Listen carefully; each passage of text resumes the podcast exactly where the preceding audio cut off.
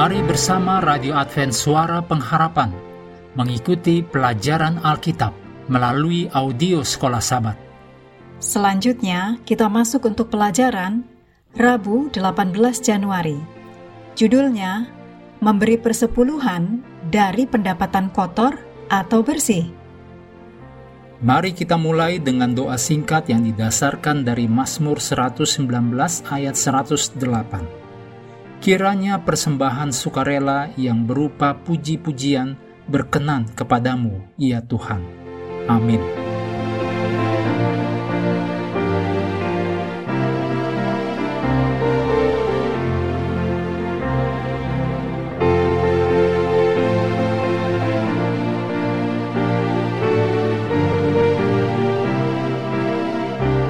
Kita menghitung persepuluhan kita dari pendapatan jika kita dibayar per jam atau melalui gaji, dan kita membayar persepuluhan atas pertambahan atau keuntungan jika kita bekerja sendiri dan memiliki usaha sendiri. Di banyak negara, pemerintah mengambil pajak dari gaji pekerja untuk menutupi biaya pelayanan masyarakat, seperti keamanan, jalan dan jembatan, tunjangan pengangguran, dan lain-lain.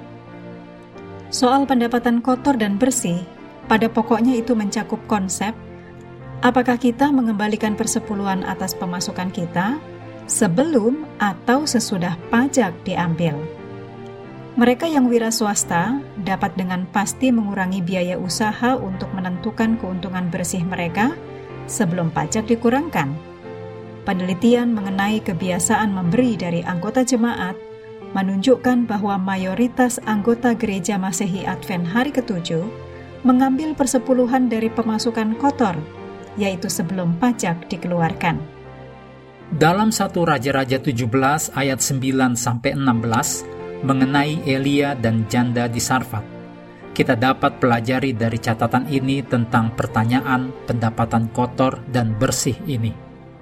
Mari cermati bagaimana situasi janda itu sebelum Elia datang kepadanya juga apakah yang diminta oleh Nabi Elia untuk wanita itu lakukan sebelum ia mengolah tepung dan minyak tersebut bagi dirinya dan putranya. Janda di Sarfat telah diberitahu oleh Allah bahwa hamba Allah sementara dalam perjalanan menemuinya yang dicatat dalam 1 Raja-Raja 17 ayat 9. Ketika Elia tiba, wanita itu menjelaskan keadaannya yang sulit.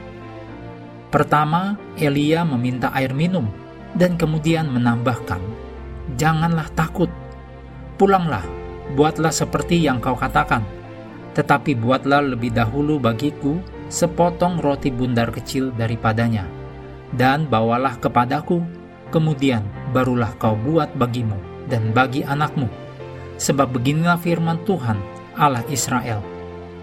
Tepung dalam tempayan itu tidak akan habis, dan minyak dalam buli-buli itu pun tidak akan berkurang sampai pada waktu Tuhan memberi hujan ke atas muka bumi. Demikian dicatat dalam 1 Raja-Raja 17 ayat 13 dan 14. Ayat ini bukanlah menggambarkan cinta diri Elia, namun ini adalah ujian untuk iman janda itu dan janda tersebut berhasil menunjukkan imannya. Gagasan utama tentang pendapatan kotor atau bersih adalah terserah kepada kita masing-masing untuk memutuskan. Gereja tidak memerintahkan apa yang harus kita lakukan, dan memang demikian. Pada akhirnya, kita masing-masing perlu membuat pilihan kita sendiri, dan apa saja yang kita lakukan kita tidak boleh menghakimi mereka yang bertindak berbeda. Masing-masing kita secara individu harus menjawab kepada Allah, hanya kepada Allah saja, untuk apa yang kita pilih.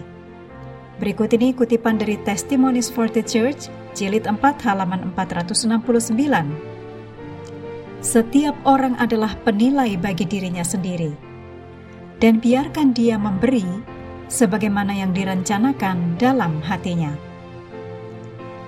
Bagaimana kita menjelaskan kepada seseorang yang tidak pernah mengembalikan persepuluhan mengenai berkat-berkat yang diterima dari mengembalikan persepuluhan tersebut.